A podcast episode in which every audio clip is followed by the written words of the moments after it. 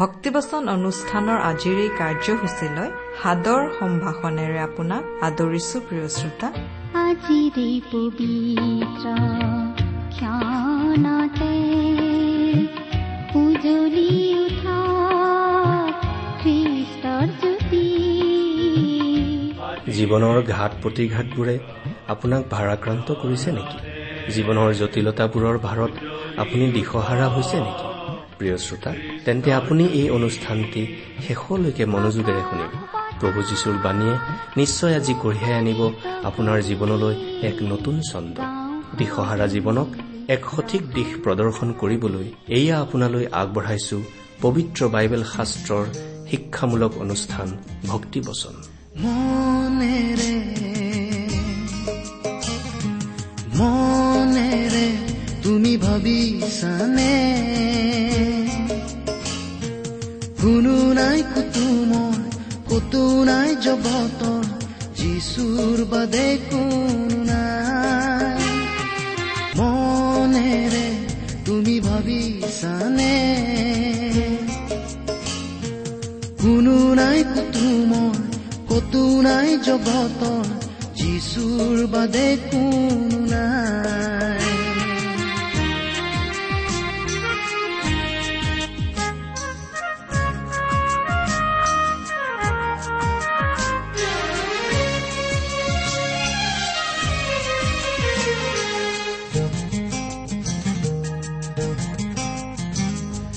তেজৰ তানে নাৰাখে কাকো প্ৰেমৰ ভাষা নুবুজে কোনো নুশুনে কোনো হিয়াৰ কান্দোন নুবুজে চকুলোৰ কোনোৱে মূল কাহত তোমাৰ যিচুৰ বাদে কোনো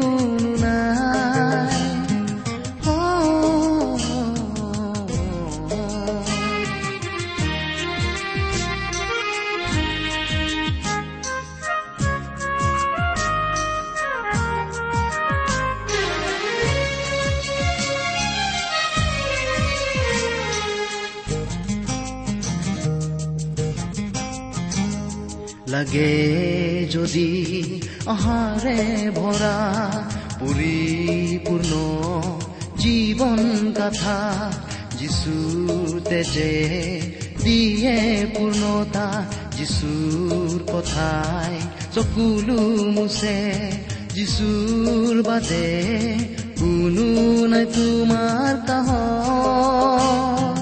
মনেৰে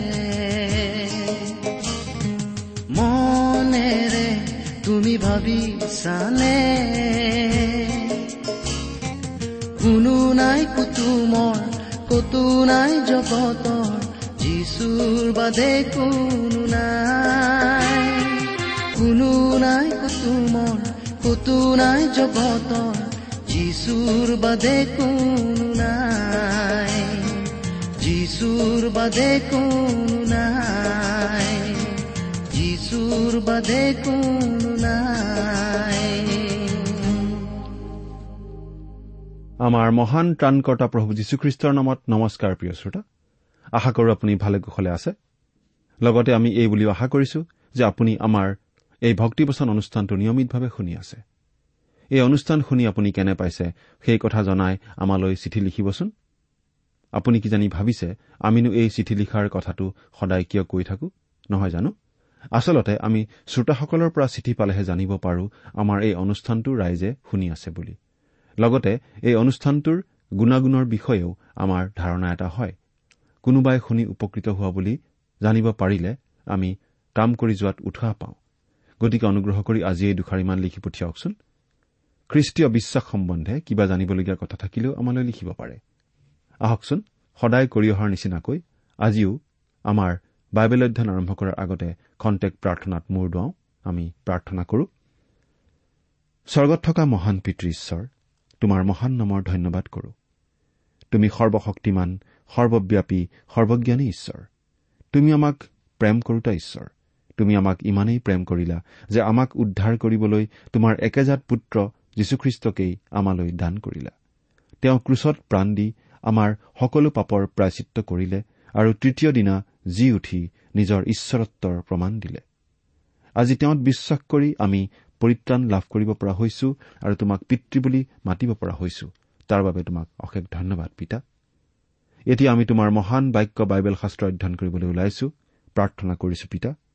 তুমি আমাক তোমাৰ বাক্য বুজিবলৈ সহায় কৰা আৰু আমাৰ প্ৰতিজনৰ আগত তুমি নিজকে অধিককৈ প্ৰকাশ কৰা। আমাৰ মৰমৰ শ্ৰোতাসকলৰ জীৱনত তোমাৰ আশীৰ্বাদ উপচি পৰিবলৈ দিয়া। কিয়নো এই প্ৰাৰ্থনা আমাৰ পাপৰ প্ৰায়চিত্ৰ কৰিবলৈ ক্ৰুচত প্ৰাণ দি তৃতীয় দিনা পুনৰ জি উঠি এতিয়া স্বৰ্গত আমাৰ বাবে নিবেদন কৰি থকা ত্ৰাণকৰ্তা প্ৰভু যীশুখ্ৰীষ্টৰ নামত আগবঢ়াইছো। আহমেন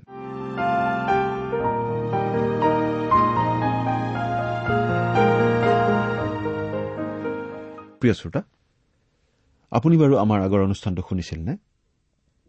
যদিহে আমাৰ আগৰ অনুষ্ঠানটো শুনিছিল তেতিয়াহ'লে আপোনাৰ নিশ্চয় মনত আছে যে আমি যোৱা অনুষ্ঠানত বাইবেলৰ এখন পুস্তকৰ অধ্যয়নৰ সামৰণি মাৰিছিলো। আৰু সেয়েহে আজিৰ অনুষ্ঠানত আমি বাইবেলৰ বেলেগ এখন পুস্তকৰ অধ্যয়ন আৰম্ভ কৰিব খুজিছো। আৰু আজি আমি যিখন পুস্তক আলোচনাৰ বাবে হাতত ল'ব খুজিছো সেই পুস্তকখনৰ নাম হৈছে হিতুপদেশ। প্ৰিয় শ্ৰোতা বাইবেলৰ পদ্য আকাৰৰ পুস্তকবিলাকৰ মাজত এই হিতুপদেশ পুস্তকখনো এখন। এই হিতুপদেশ পুস্তকখনৰ লগতে ইয়ুব গীতমালা উপদেশক আৰু পৰম গীত এইকেইখনো একে শ্ৰেণীতেই পৰে। কাৰণ এই আটাইকেইখন ইব্ৰী কবিতাৰ আকাৰত লিখা পুস্তক। হিতুপদেশ পুস্তকখনৰ লগতে উপদেশক আৰু পৰম গীত পুস্তক দুখনৰো লিখক চলোমনেই। হিতুপদেশ পুস্তকখন প্ৰজ্ঞাৰ পুস্তক। উপদেশক পুস্তকখন হৈছে অসাৰতাৰ বিষয়ে লিখা পুস্তক। আৰু পৰম গীত পুস্তকখন হৈছে পৰমভাৱে ভালপোৱাৰ পুস্তক। প্ৰজ্ঞা আৰু অসাৰতাৰ মাজ স্থানত পৰমভাৱে ভালপোৱাই হৈছে মহৌষধ বা সুস্থতাকাৰী মলম। প্ৰজ্ঞা অসাৰতা আৰু ভালপোৱা এই তিনিওটা বিষয়তে চলোমন বৰ অভিজ্ঞ ব্যক্তি। এই অভিজ্ঞ ব্যক্তিজনৰ ক্ষেত্ৰত বাইবেলে এনেদৰে কৈছে। তেওঁ তিনি হাজাৰ নীতিবচন কৈছিল। তেওঁৰ গীত এক হাজাৰ পাঁচোটা আছিল। প্ৰথম ৰাজাৱলী চাৰি নম্বৰ অধ্যায়ৰ বত্ৰিশ নম্বৰ পদত আমি এনেদৰে পাওঁ। এহেজাৰ পাঁচোটা তেওঁৰ গীতৰ ভিতৰত আমাৰ হাতত কেৱল এটা গীত আছে আৰু সেই গীতটোৱেই হৈছে পৰম গীত বোলা গীতটো। তাৰোপৰি তেওঁ কোৱা নীতিবচনৰ বহু কমেইহে এতিয়া আমাৰ হাতত আছে। কাৰণ বাইবেলে কৈছে তেওঁ লেবানুনত থকা এৰছ গছৰ পৰা দেৱালৰ গাত গজা এচুব বনলৈকে সকলো গছৰ বিষয়ে কথা কৈছিল। তেওঁ পশু পক্ষী উৰক জন্তু আৰু মাছৰ বিষয়েও কথা কৈছিল। আৰু পৃথিৱীত থকা যি যি ৰজাবিলাকে চলোমনৰ জ্ঞানৰ বাতৰি শুনিছিল তেওঁবিলাকৰ ওচৰৰ পৰা সকলো দেশীয় লোকে চলোমনৰ জ্ঞানৰ বচন শুনিবলৈ আহিছিল। এই কথা আমি পঢ়িবলৈ পাওঁ প্ৰথম ৰাজাৱলী চাৰি নম্বৰ অধ্যায়ৰ তেত্ৰিশ আৰু চৌত্ৰিশ নম্বৰ পদত। হিতুপদেশ পুস্তকত আমি চলোমনৰ প্ৰজ্ঞাৰ বিষয়ে পঢ়িবলৈ পাওঁ। বা তেওঁৰ প্ৰজ্ঞাৰ কথাবিলাক আমি পাওঁ।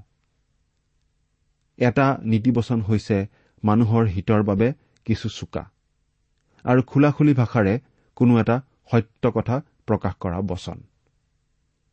বহু অভিজ্ঞতাৰ পৰা আহৰিত অভিজ্ঞতাসমূহকেই সংক্ষেপকৈ অথচ অতি স্পষ্টকৈ প্ৰকাশ কৰা কথাসমূহকেই নীতিবচন বোলা হয়। আকৌ এবাৰ কৈ দিছো। বহু অভিজ্ঞতাৰ পৰা আহৰণ কৰা অভিজ্ঞতাসমূহক সংক্ষেপকৈ অথচ অতি স্পষ্টকৈ প্ৰকাশ কৰা কথাসমূহকেই আমি নীতিবচন বুলি ক'ব পাৰো।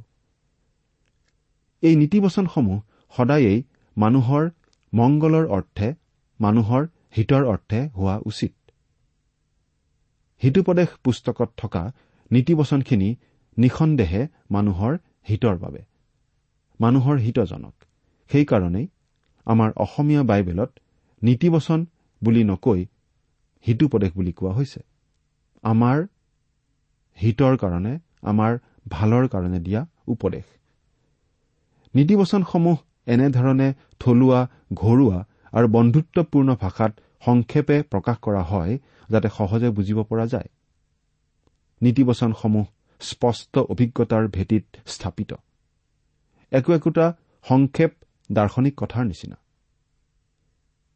সুন্দৰ জীৱন আচৰণৰ বাবে একো একোটা নীতিৰ নিচিনা। এই নীতিবচনবোৰ দীঘল বচনৰ সংক্ষেপ বচন সাঁথৰ কথা তুলনামূলক কথা। পুস্তকখনৰ এক নম্বৰ অধ্যায়ৰ সাত নম্বৰ পদটোৱেই মূল পদ বুলি আমি ক'ব পাৰোঁ। এই এক নম্বৰ অধ্যায়ৰ সাত নম্বৰ পদটোত কোৱা হৈছে জিহুৱালৈ ভয় ৰখাই জ্ঞানৰ আৰম্ভণ। কিন্তু অজ্ঞানবোৰে প্ৰজ্ঞা আৰু শিক্ষা হেয়জ্ঞান কৰে। পুৰণিকালৰ প্ৰাচ্যৰ দেশসমূহেই এনে নীতিবচনৰ ভঁৰাল।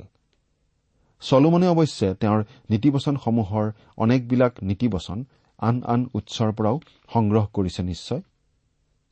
সেই নীতিবচনবোৰৰ অনেকবিলাক তেওঁৰ নিজৰ সৃষ্টি কিন্তু আটাইবোৰ নীতিবচনৰ সম্পাদনাকাৰী তেওঁ নিজেই। নীতিবচনবোৰ যিহেতু বাইবেলত স্থান পাইছে গতিকে সেইবোৰ চলোমনৰ নিজৰ সৃষ্টিয়েই হওক বা আন উৎসৰ পৰা সংগ্ৰহ কৰাই হওক ঈশ্বৰে সেই আটাইবিলাককেই নিজৰ নিশ্বাসিত বচনৰূপে গ্ৰহণ কৰিছে। হিতুপদেশসমূহ যে ঈশ্বৰ নিশ্বাসিত বচন সেই বিষয়ত আমি নিঃসন্দেহ হ'ব পাৰিম যেতিয়া আমি এই পুস্তকখন অধ্যয়ন কৰি যাম।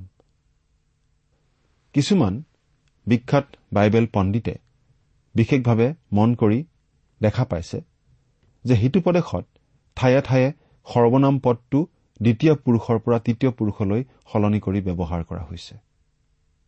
এওঁসকলে কয় যে যিবোৰ নীতিবচন বা হিতুপদেশ দ্বিতীয় পুৰুষ ব্যৱহাৰ কৰি কোৱা হৈছে সেইবোৰ হিতুপদেশ চলোমনক শিকোৱা হৈছে। আৰু যিবিলাক হিতুপদেশৰ কথা কওঁতে তৃতীয় পুৰুষ ব্যৱহাৰ কৰি কোৱা হৈছে সেইবিলাক হিতুপদেশ চলোমনে নিজে কৈছে অৰ্থাৎ তৃতীয় পুৰুষত কোৱা হিতুপদেশ বা নীতিবচনবিলাক চলোমনে নিজে ৰচনা কৰা নীতিবচন। কিন্তু এটা কথা প্ৰিয় শ্ৰোতা এই যে হিতুপদেশ পুস্তকৰ নীতিবচন আৰু আন আন লিখনি বা উৎসৰ নীতিবচন সেইবিলাকৰ মাজত পাৰ্থক্য আছে। গ্ৰীক লোকসকল নীতিবচন ৰচনা কৰাত বৰ পাকৈঠেনো বিশেষকৈ জ্ঞানবাদ চৰ্চা কৰা গ্ৰীকসকল। গ্ৰীক ভাষা ব্যৱহাৰত এওঁলোক বৰ চতুৰ আৰু সিদ্ধহস্ত। তেওঁলোকে লিখা যিবিলাক গ্ৰীক লিখনি আন ভাষা ভাষীৰ বিদ্বান লোকসকলে পঢ়িছে সেইসকলে কয় যে এই জ্ঞানবাদী লিখকসকলে এটা শব্দকে লৈ খেলা খেলিব জানে। গতিকে তেনে লোকসকলে ৰচনা কৰা নীতিবচনসমূহত মানুহৰ হিতৰ বাবে সত্য নিহিত থকাৰ পৰিৱৰ্তে তেওঁলোকৰ নিপুণতা বা পাৰ্গতালিৰ ক্ষেত্ৰতহে গুৰুত্ব নিহিত থাকিব পাৰে।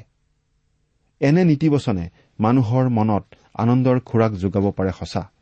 কিন্তু মানুহৰ জীৱনৰ বাবে হিতজনক তাত একো নাথাকিব পাৰে। হিতুপদেশ পুস্তকৰ নীতিবচনসমূহৰ ক্ষেত্ৰত কেইটামান প্ৰয়োজনীয় লক্ষণ আৰু ৰূপ আমি মন কৰা উচিত। এক নম্বৰ কথাটো হৈছে হিতুপদেশ পুস্তকৰ নীতিবচনবিলাকত কোনো বিজ্ঞান বিৰুদ্ধ বিষয় বা অশুদ্ধ কথা নাই। উদাহৰণস্বৰূপে চাওক হিতুপদেশ চাৰি নম্বৰ অধ্যায়ৰ তেইছ নম্বৰ পদৰ গভীৰ বচনসাৰলৈকে পদটোত কোৱা হৈছে ৰক্ষা কৰিবলগীয়া সকলো বস্তুৰ মাজত সকলোতকৈ তোমাৰ হৃদয়ক অধিক যত্নেৰে ৰক্ষা কৰা কিয়নো তাৰে পৰাই জীৱন উৎপন্ন হয়। এইটো বাস্তৱিকতেই এটা বৰ মন কৰিবলগীয়া কথা। কাৰণ চলোমনে এই কথা কোৱাৰ প্ৰায় দুহেজাৰ সাতশ বছৰ পাছত বিজ্ঞানী হাৰ্ভে মহাশয়ে আৱিষ্কাৰ কৰি পাইছিল যে হৃদয় বা অন্তৰখনে চাপ দিয়াৰ কাৰণেহে মানুহৰ শৰীৰত ৰক্ত প্ৰবাহ ঘটে। অৰ্থাৎ সিটোপদেশ চাৰি অধ্যায় তেইছ নম্বৰ পদৰ কথাখিনি অতি বিজ্ঞানসন্মত। তাৰ বিপৰীতে চাওক ঈশ্বৰৰ নিশ্বাসিত বচনৰ শাৰীত নপৰা বাৰ্ণবাৰ পত্ৰ বোলা পুস্তকখনত এটা পক্ষীৰ কথা কোৱা হৈছে যিটো পক্ষী নিজে জুইত জঁপিয়াই পোৰা খাই মৰে আৰু তাৰ পাছতেই পুনৰ জি উঠে। এয়া এটা কাল্পনিক পক্ষী। এনেকুৱা কথা কোনোমতে বিজ্ঞানসন্মত হবই নোৱাৰে। এনে অসত্য বিজ্ঞান বিৰুদ্ধ কথা বাইবেলৰ কতো নাই। এইটো বাস্তৱিকতেই বৰ আচৰিত কথা যে সিটো প্ৰদেশখন ইমান পুৰণি যুগৰ লিখনি তথাপি ইয়াৰ নীতিবচনবোৰ অতি বিজ্ঞানসন্মত। এনে এটা নীতিবচন ইয়াত নাই যিটো বিজ্ঞান বিৰুদ্ধ। ইয়াৰ দ্বাৰাই আমি জানিব পাৰো যে সিটোপদেশ পুস্তকখনৰ আটাইবিলাক নীতিবচনেই ঈশ্বৰ নিশ্বাসিত বচন। দুই নম্বৰ কথাটো হৈছে সিটো প্ৰদেশত কোনো ধৰণৰ অনৈতিকতা বা নিজ চিন্তাৰ নীতিবচন নাই। আন আন লিখনিৰ নীতিবচনসমূহত নিন্দা ইটিকিং বা নিৰাশ কৰা অভিপ্ৰায়েৰে ৰচনা কৰা নীতিবচন থাকিব পাৰে। প্ৰকৃততে সেইবোৰক নীতিবচন বুলিব নোৱাৰি বৰং ইটিকিং নিন্দা কৰাৰ ফকৰা যোজনা বুলি ক'ব পাৰি। অৱশ্যে এনে কিছু বিশেষ লোকৰ লিখনি থাকিব পাৰে যিবোৰত বৰ উচ্চ নৈতিকতাৰ নীতিবচন থাকিব পাৰে। দাৰ্শনিক পণ্ডিত চক্ৰেটিছৰ লিখনিসমূহক উচ্চ পৰ্যায়ৰ নৈতিকতাৰ লিখনি বোলা যায়। তেওঁৰ প্ৰতি আকৰ্ষিত হোৱা আৰু তেওঁক সন্মান কৰা লোকসকলে কয় যে তেওঁৰ লিখনিসমূহত বাস্তৱিকতেই উচ্চ নৈতিক পৰামৰ্শ নিহিত আছে। কিন্তু তথাপি তেওঁৰ লিখনিত পোৱা যায় যে তেওঁ বেশ্যা মহিলাসকলকো পৰামৰ্শ দি কৈছিল তেওঁলোক কেনে জীৱন আচৰণ কৰা উচিত? মুঠ কথাত আমি তেখেতক এগৰাকী উচ্চ নৈতিকতাৰ ব্যক্তি বুলি মানিব পাৰো। তথাপি খ্ৰীষ্টৰ পূৰ্বৰ কোনো ব্যক্তিক খ্ৰীষ্টীয় লোক বোলাটো সম্ভৱ নহয়। গতিকে তেওঁকো আমি খ্ৰীষ্টীয় ব্যক্তি বুলিব নোৱাৰো। তিনি নম্বৰ কথাটো হ'ল হিতুপদেশৰ নীতিবচনসমূহ পৰস্পৰ বিৰুদ্ধ নহয়। কিন্তু আমি ভালদৰে মন কৰিলে দেখা পাওঁ যে মানুহে ৰচনা কৰা নীতিবচনসমূহ যদি ঈশ্বৰ নিশ্বাসিত বচন নহয় তেন্তে বহু সময়ত তেনে নীতিবচনসমূহ পৰস্পৰ বিৰুদ্ধ ৰূপে দেখা যায়। যেনে এটা নীতিবচনত কোৱা হৈছে জপিওৱাৰ আগতে দুবাৰ ভাবিবা। কিন্তু তাৰ বিপৰীতে আন এটা নীতিবচনত আকৌ এনেদৰে কৈছে যিয়ে কৰো নকৰোকৈ চিন্তা কৰি থাকে তেওঁ পায়ো হেৰুৱায়। সেইদৰে এটা নীতিবচনত কৈছে মানুহে যিমানখিনিৰ বাবে মূল্য বহন কৰে সিমানখিনিকেহে পায়। কিন্তু আনহাতে আনটো নীতিবচনত কোৱা হৈছে বোলে জীৱনৰ সৰ্বোত্তম প্ৰয়োজনীয়বোৰ বিনামূল্যে পোৱা যায়। একেদৰে এটা নীতিবচনত কোৱা হৈছে দিনৰ পৰ্বত ৰাতিৰ জুই তাক নেখেদি থাকিবা শুই।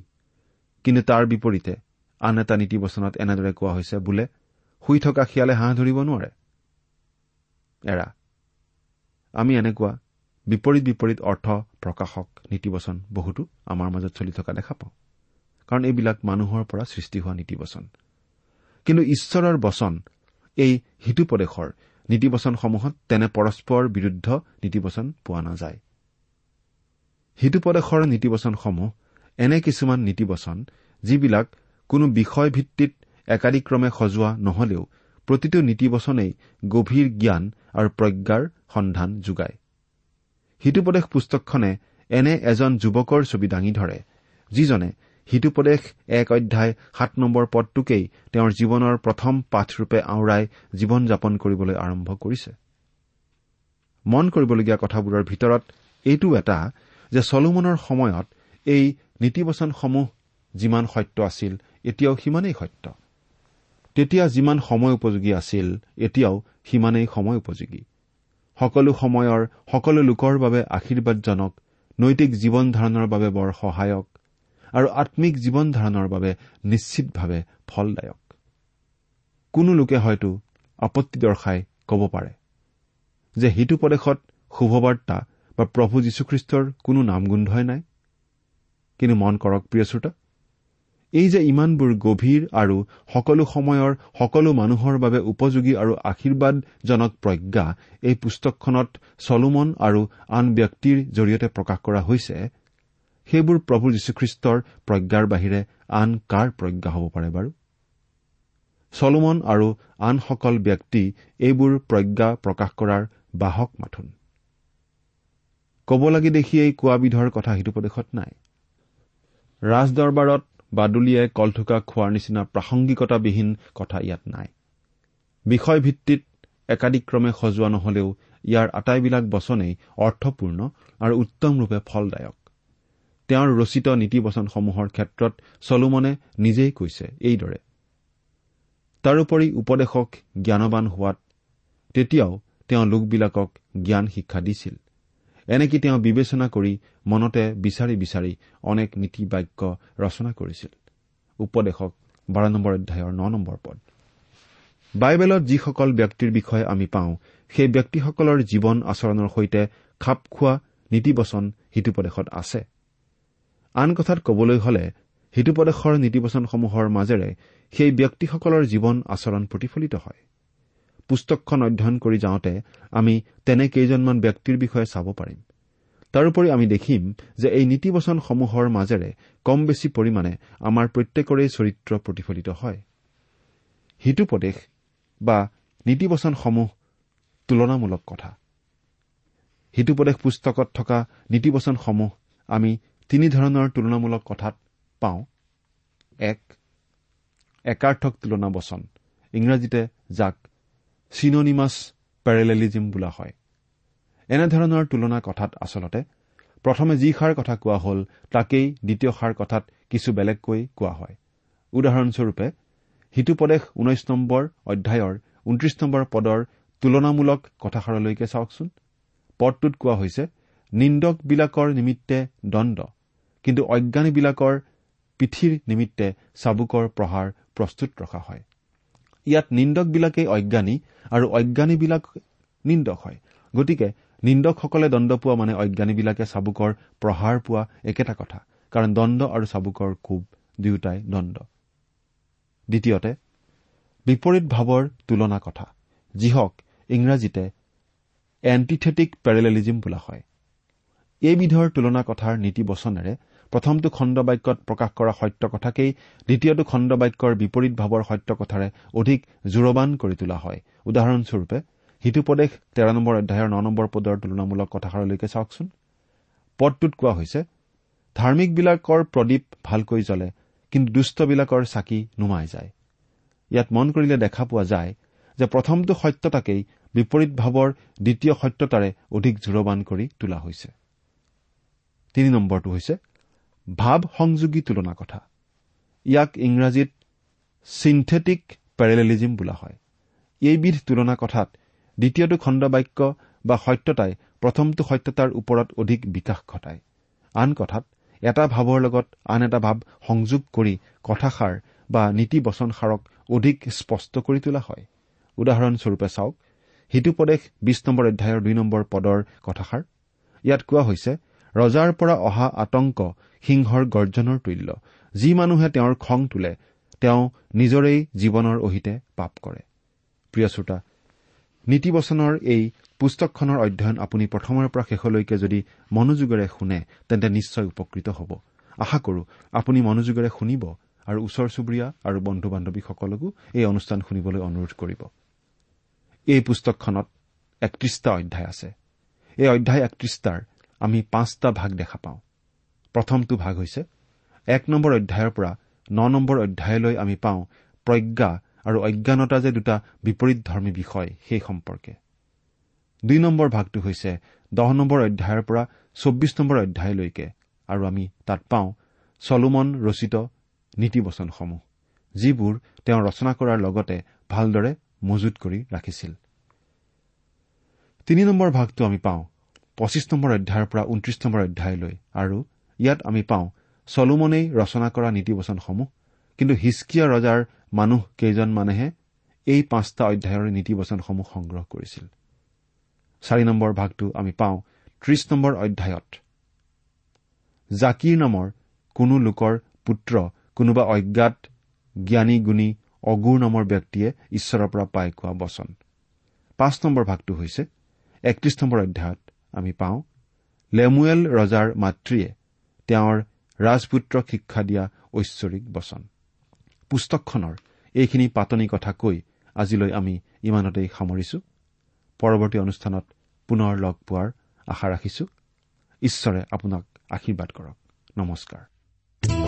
প্ৰিয় শ্ৰোতা ইমান পৰে আপুনি বাইবেল শাস্ত্ৰৰ পৰা ঈশ্বৰৰ বাক্য শুনিলে এই বিষয়ে আপোনাৰ মতামত জানিবলৈ পালে আমি নথৈ আনন্দিত হ'ম আমি প্ৰস্তুত কৰা বাইবেল অধ্যয়নৰ চিডিসমূহ পাব বিচাৰিলে আৰু অনুষ্ঠানত প্ৰচাৰ কৰা কোনো কথা বুজিব লগা থাকিলেও আমালৈ লিখক।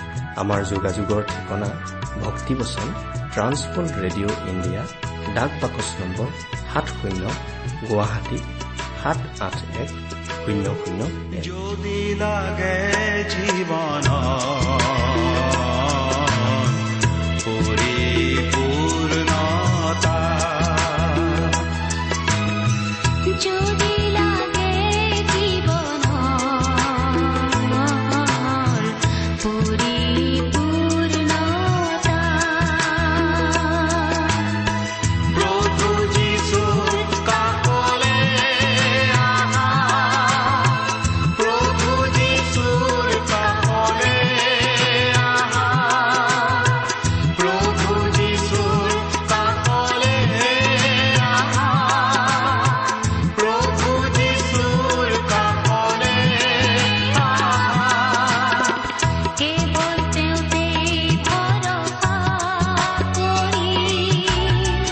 তুমি ঈশ্বৰ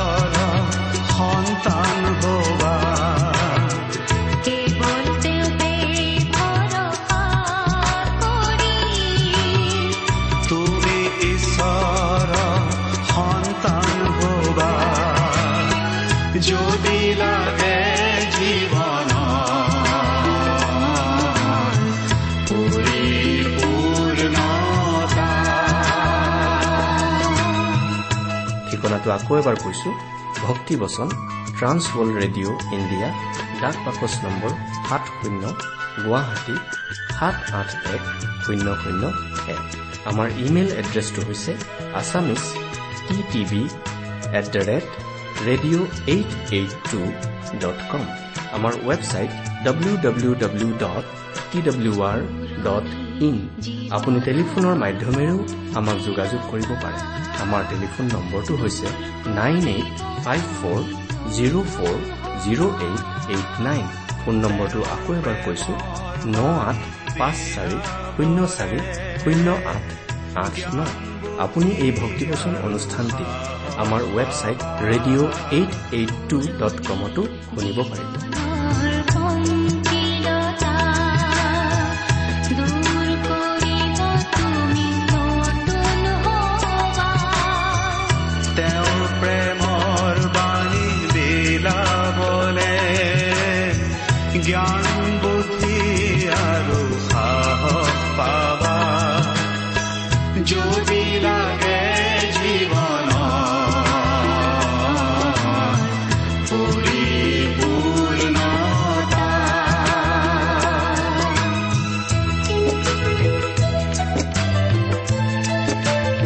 আজিৰ অনুষ্ঠানটি ইমানতেই সামৰিছো। ঈশ্বৰৰ শান্তি আৰু অনুগ্ৰহ আপোনাৰ লগত থাকক।